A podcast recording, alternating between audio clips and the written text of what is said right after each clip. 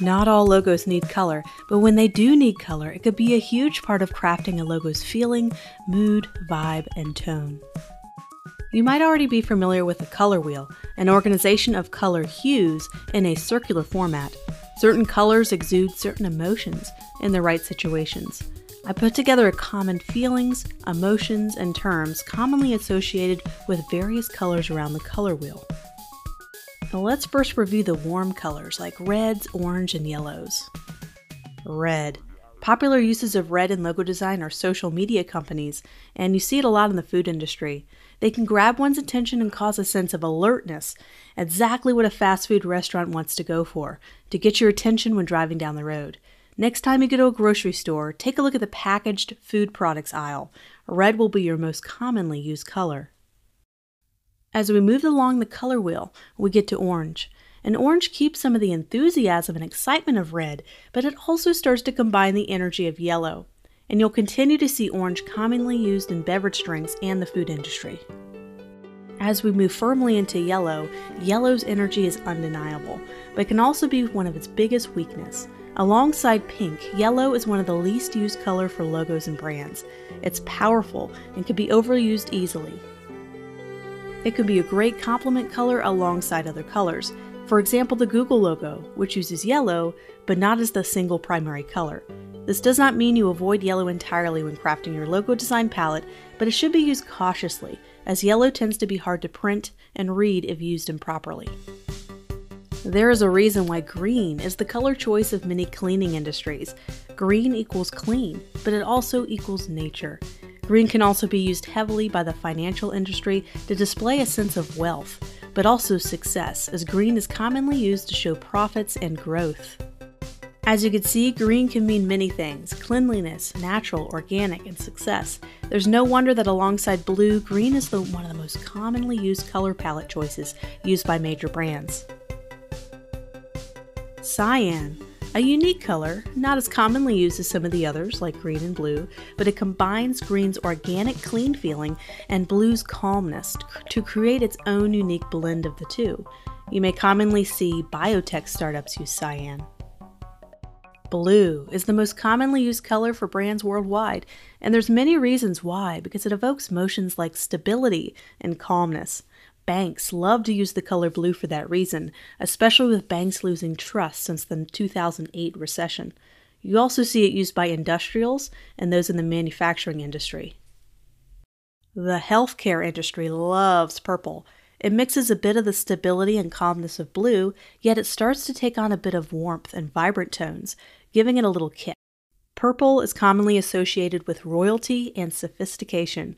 It's also commonly used in the hospitality industry for that very reason.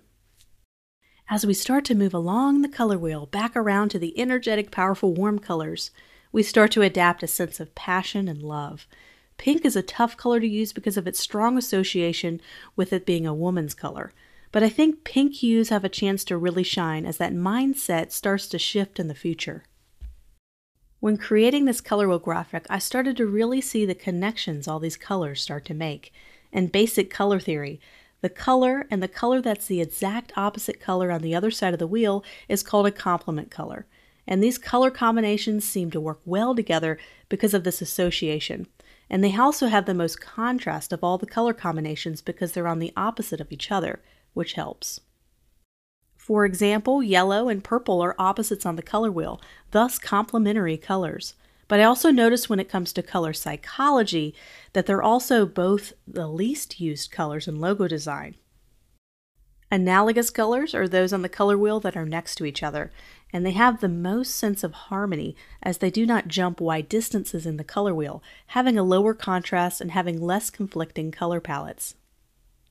I found it very interesting that analogous colors make great logo combinations because of this sense of harmony. It was also interesting to note that the color blue was associated with a reduction in appetite, and I don't think that's by accident, as the food industry gravitates more toward the warmer reds and oranges. It is fascinating that the colors used by top social media websites were either blue or red, with other colors being used a lot less. The fact that blue and red are polar opposites in terms of being on the color wheel and color psychology, it was telling that social media companies wanted to evoke strength or calmness depending on what the platform was. Not all logos use just one color. Companies and logos can evoke several different emotions around this color wheel by combining colors to create a logo color combo or color palette. Some logos have one primary color, but this can also exist by using several chosen secondary colors, so it can adapt to many different situations. This color wheel graphic is available as a downloadable resource in this class if you really wanted to take the time and study it in more detail. Finally, another great resource that's available online to you is color.adobe.com. This is a great resource for finding and applying color harmony rule to the color wheel. The color harmony rule are the various rules in color combos like triad, complementary, and analogous colors. I also have a downloadable resource that goes over the basic color harmonies as well as a few popular color trends. Now that we talked a bit about the emotions of color and the psychology, and a little bit about basic color combinations, let's talk more about how to use color effectively in logo design. Logo designs, as we mentioned in an earlier lesson, should never be totally dependent on color. Color can help bring it to life, but it should also be able to stand alone and just plain black and white if required. So, knowing this rule, when we do use color, it should be done with intention. You never want to overwhelm a logo with color, and sometimes just small important elements can be highlighted with color. Sometimes having the company name or logo type be a neutral gray or black color can help a logo mark with color really stand out, but not overwhelm the entire logo. You need to be aware of what background the logo will be placed on. The most common background color used is white. If your logo uses a bright color that has a low contrast with white, it might not show up very well. If you have a logo on a dark background and you use a darker color, that contrast may not be big enough for the logo to be readable as well. That is why it's nice to develop a logo that can work in just black and white, but also if you use color, it works well on both lighter and darker backgrounds. When I develop a logo, I place it on both to see how the color palette is working out, and there are times when I have to tweak the shade of the color used for it to work on a darker or a lighter background. Developing a logo color palette can take some time, and we'll get a chance to use mood boards and other methods of finding the right color choices for our logo in the project-based portion of this class. Now that we established some great logo design theory, we've studied color, anatomy, styles, categories of logos, let's begin by creating our first project together. I'll see you there.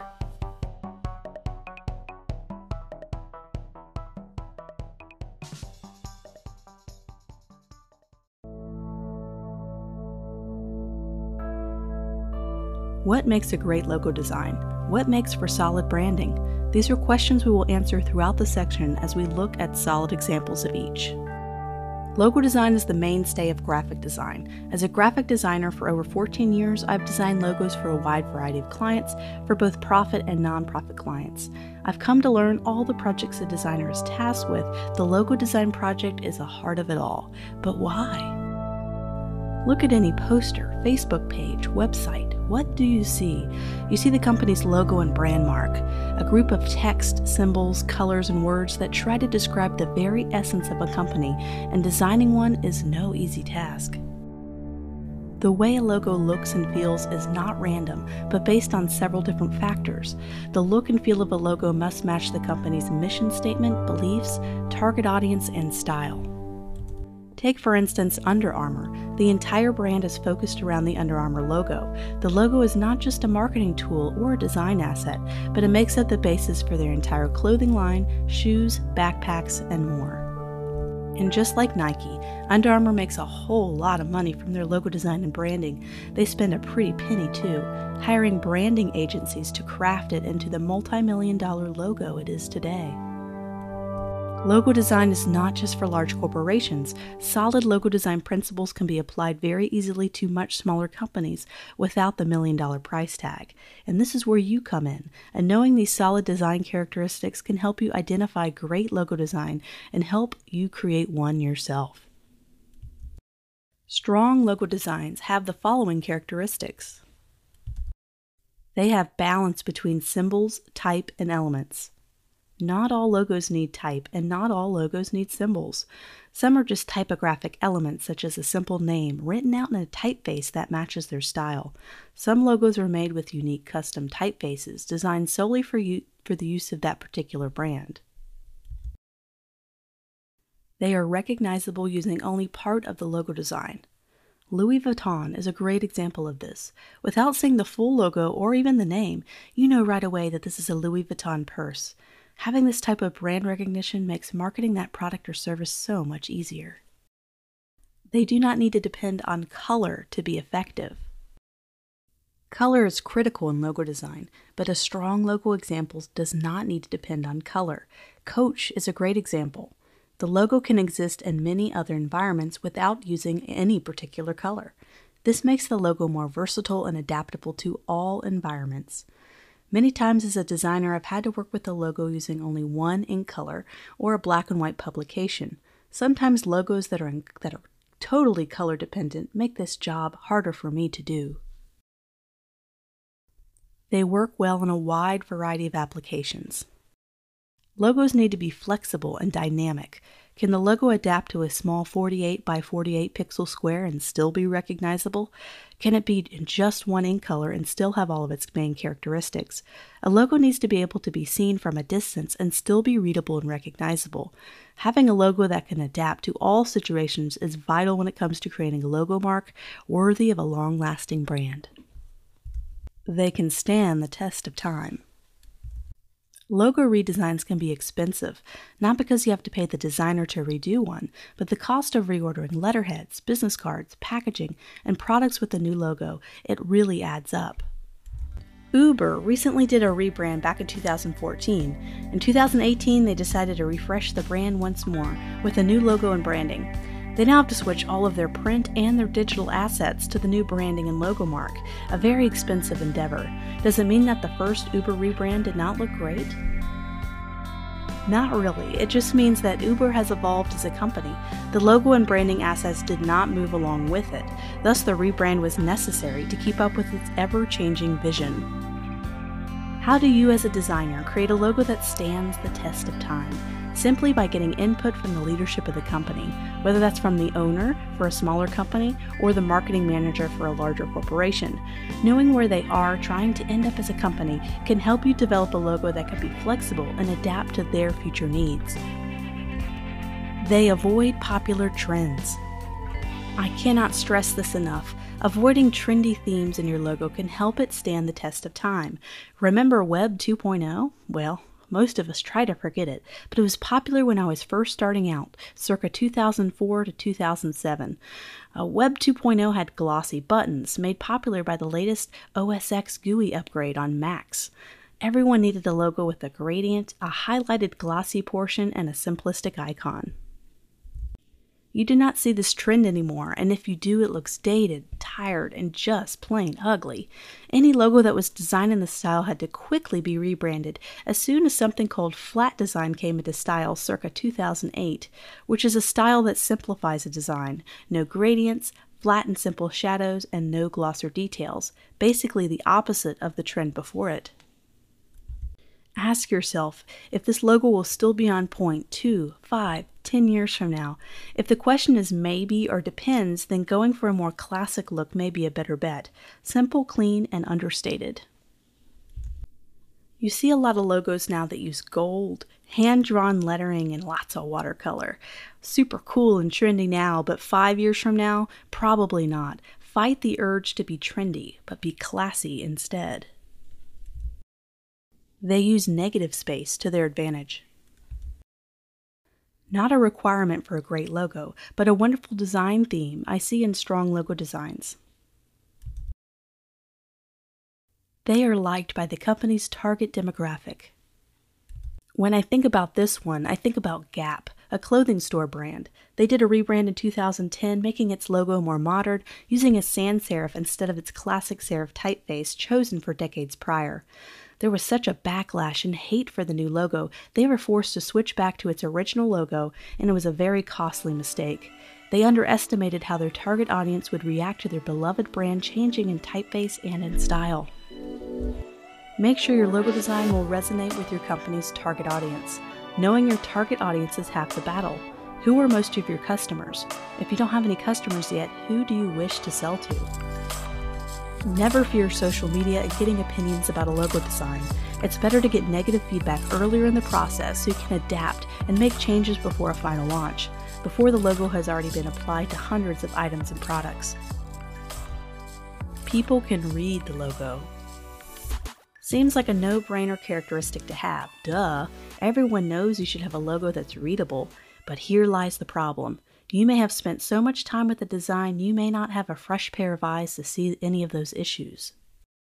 Make sure others can read it too. I see this problem a lot with script fonts and logos. Sometimes certain script characters do not flow well together, and it can make a logo very hard on the eyes to read, which leads us into the last characteristic in a great solid logo design. They are as unique as the company. Logos should be one of a kind. This is another reason why staying away from trendy design themes is important. You do not want to look like everybody else. The logo you are designing is like a snowflake. I see way too many logo redesigns look the same way, and I shake my head in disappointment when I see another rebrand that looks the same. These are just a few characteristics of strong logo designs I've noticed throughout the years of studying rebrands and logo designs. If you strive for just a few of these characteristics, you'll be well on your way for a logo that will work well for you or your client.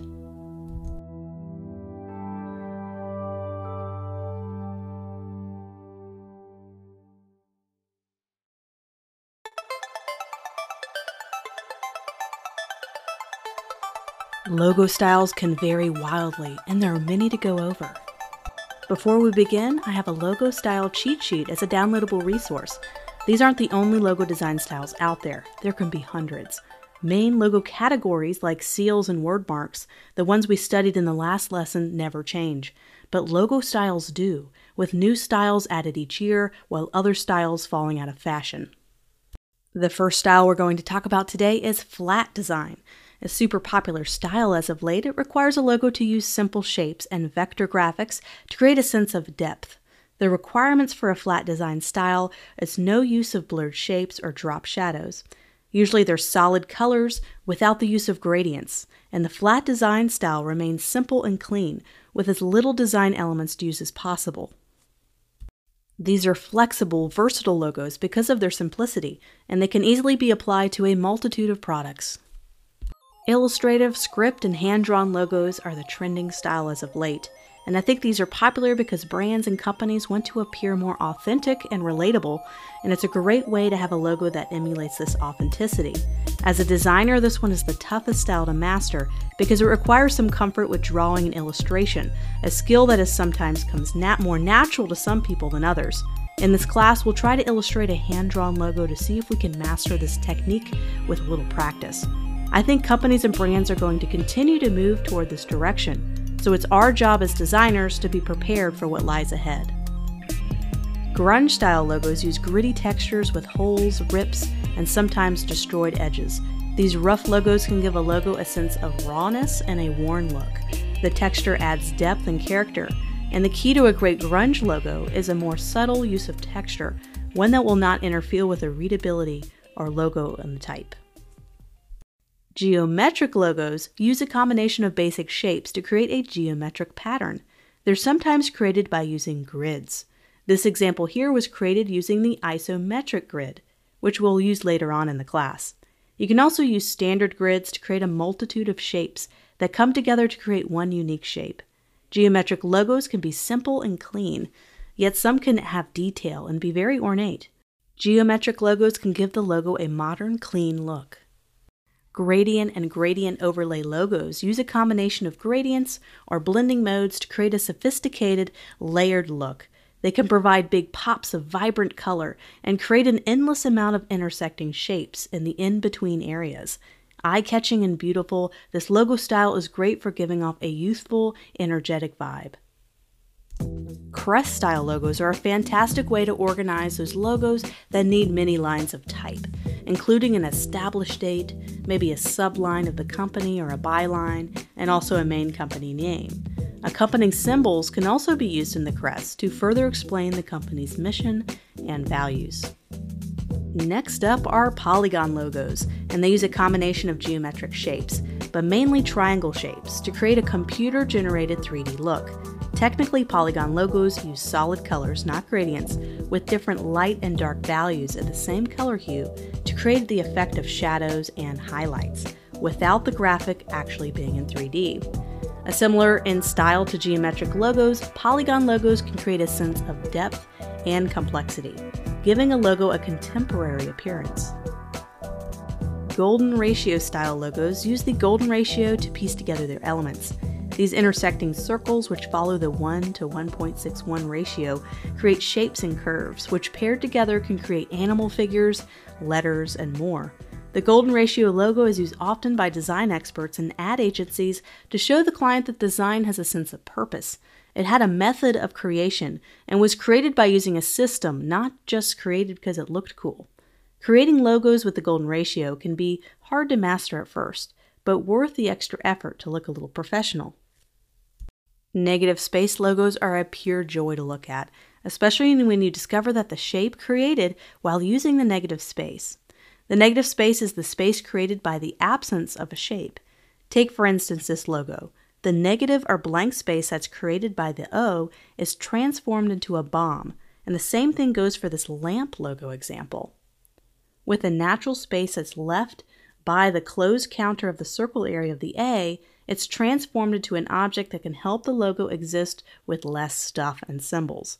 Negative space logos utilize this negative space to reduce the amount of illustration that's required to create a symbol, leaving it much more clean and has a simple appearance. Double meaning logos are clever and fantastic ways to create a memorable logo. Take, for instance, this example I created. It's the letter B, but it also creates the insect bee and it requires a company name that can also have a double meaning to pull it off. But if you have something that comes together like this, then take the chance. Memorability is the mainstay of a solid logo design. Many of the logo examples you see throughout this lesson were created by talented designers who post their designs on behance.com and a wide variety of other websites. Um, there's fantastic resources in finding a little logo design inspiration if you ever feel stuck on coming up with a theme or idea for your logo design. In the Logo Design Resource Guide, another downloadable resource in this class, there's a list of my favorite places to find a little bit of that logo design inspiration. Now that we looked at a few different logo categories and also some styles, now it's time to review the characteristics of solid logo designs.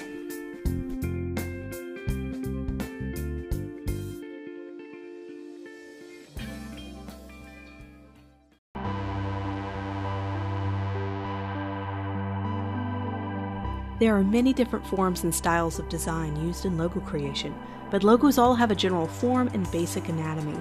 This lesson will review the structure and anatomy of great logo designs. We'll also review the many styles, forms, and flavors they can come in. First of all, what is a logo? Can a symbol without text or a company name be considered a logo? Let's break all this down. A logo type is a written type or characters that make up a company or logo name. For instance, in this example, Racing Revolution will be the logo type. A logo mark is the symbol iconographic that's included in the logo but is separate from the type or typography. A great logo design will be a logo mark that can exist outside of the logo type and still be recognized. The best example of this in action is Apple. They do not need to have a logo type or words next to their logo mark to let the consumer know it's an Apple product. They understand this simply by looking at the logo mark. A logo mark and a logo type put together create the full logo. Not all logos require a logo mark or symbol to be successful. Take, for instance, this logo.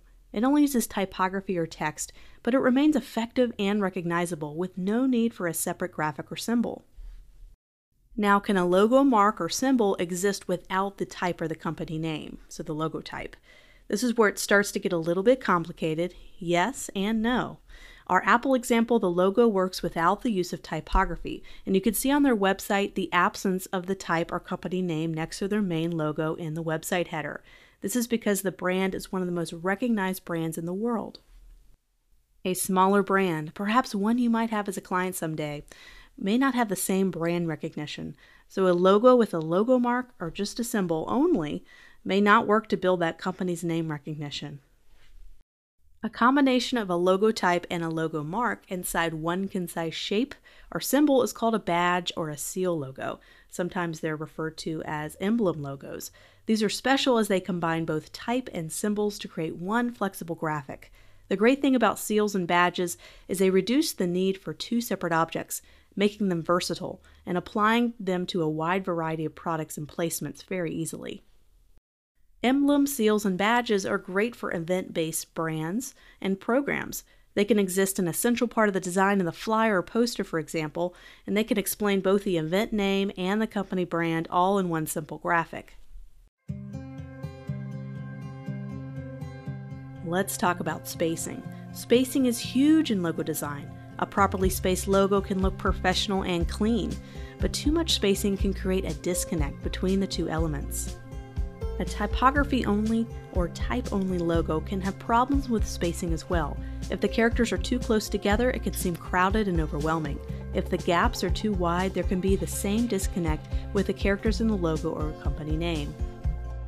What is the proper spacing for logo design elements? There are several tools and methods you can use to find the proper spacing, including grids, to find the right spacing for your logo elements. Grids can be used to create the same space between characters, for example, making sure there is even spacing to create that clean professional look. Not all logos need a grid to be successful. Some logos, which are hand drawn, illustrated, may be later vectorized to keep this hand drawn feeling. Therefore, the spacing may not have to be perfectly even, as it starts to lose that organic, authentic feeling that way. The golden ratio is another method designers can use to find the right spacing for a logo. The golden ratio is based in nature, and more details about the golden ratio will follow that will include us building a golden ratio based logo together a little bit later in the class. But it comprises of circles and rectangles that are all sized according to a ratio of 1 to 1.618. These circles and rectangles can then be arranged in a way to create spacing and shapes that apply the golden ratio to them giving them a look and a feel that is based on the ratio that is pleasing to the eye and found in nature. And lastly, there's the designer's eye. Finding the right spacing does not have to adhere to a special formula or a grid. With practice, you'll learn what looks great and what distance is too far or too close. They call this optical adjustment. When you optically adjust a logo, you're using your eye to find the right placement, and not grids and not a formula. I found this very important when working with logo types or typography only logos. This is because certain characters create wider gaps between them optically. If we were to put this T and this P together, it creates this default spacing between the characters. I think this is a nice spacing, not too wide, not too close, but what if we had a T and an A together, and we wanted to have the same spacing between each character of the word? We can do that here, but because the T naturally has bigger gaps to the left and right sides, because the heaviness is on the top of the T, using the same spacing is a little bit awkward. That is why manually adjusting character spacing may be needed to offset these visual gaps when that, that T is creating. The act of manually adjusting the spacing between type characters is called kerning, and we'll do plenty of that when we work on logo projects together. Now it's time for the balance of the logo, and finding the right balance in a logo design is critical I find a lot of designers like to create large logo marks or symbols, but leaves this seemingly tiny logo type in its wake. Hard to see and hard to read. Company name recognition, as we reviewed earlier, is essential to a newer or budding brand. Being able to have the type be readable but also balanced with the symbol is good. Neither the symbol or the type should overwhelm or take over. There should be a balance in the logo. And a lot of times the grid can come in handy in finding the right balance between this, like in this example, where the size of the logo mark and logo type are figured out by making the symbol half of the width of the text, using the grid to figure out exactly what that is. There are different terms you may have heard related to different types of logo design. I'm going to go over a few so you can get a good visual description of a few of the main ones. Monogram logos, or you might have heard the term abbreviation logos, they consist of the initials of a company. For example, International Business Machines, or IBM as you know it, they use a monogram of the company for its main symbol or mark. Word marks. Another name is logotypes, as we discussed earlier. Word marks are basically logotypes and type only logos that consist of the company's name only. Google and FedEx are great examples of this in action. Emblems are other names or seals and badges, and they consist of a combination of type and symbols into one shape. We talked about this a little bit earlier, but that shape can be endless. Abstract logo marks consist of logos that contain an abstract shape or symbol that can loosely be based on what the company does. Lululemon is a great example of this, as well as BP or British Petroleum with their soft flower like abstract graphic. Mascot logos are another one, and they consist of a main mascot, and you might have seen this a lot in sports teams. MailChimp is a great example of a mascot being used in a logo. The last one we're talking about today is combination marks, which combine both the type and symbol together in one logo. So we had a chance to review basic logo anatomy, talk about spacing and balancing, and we reviewed several different categories of logos. Now let's take a look at some different styles of logos. Before we hopped into the next lesson, I wanted to mention that I also have a resource, a downloadable resource, that contains a cheat sheet of all the main logo types and styles that we went over in this lesson.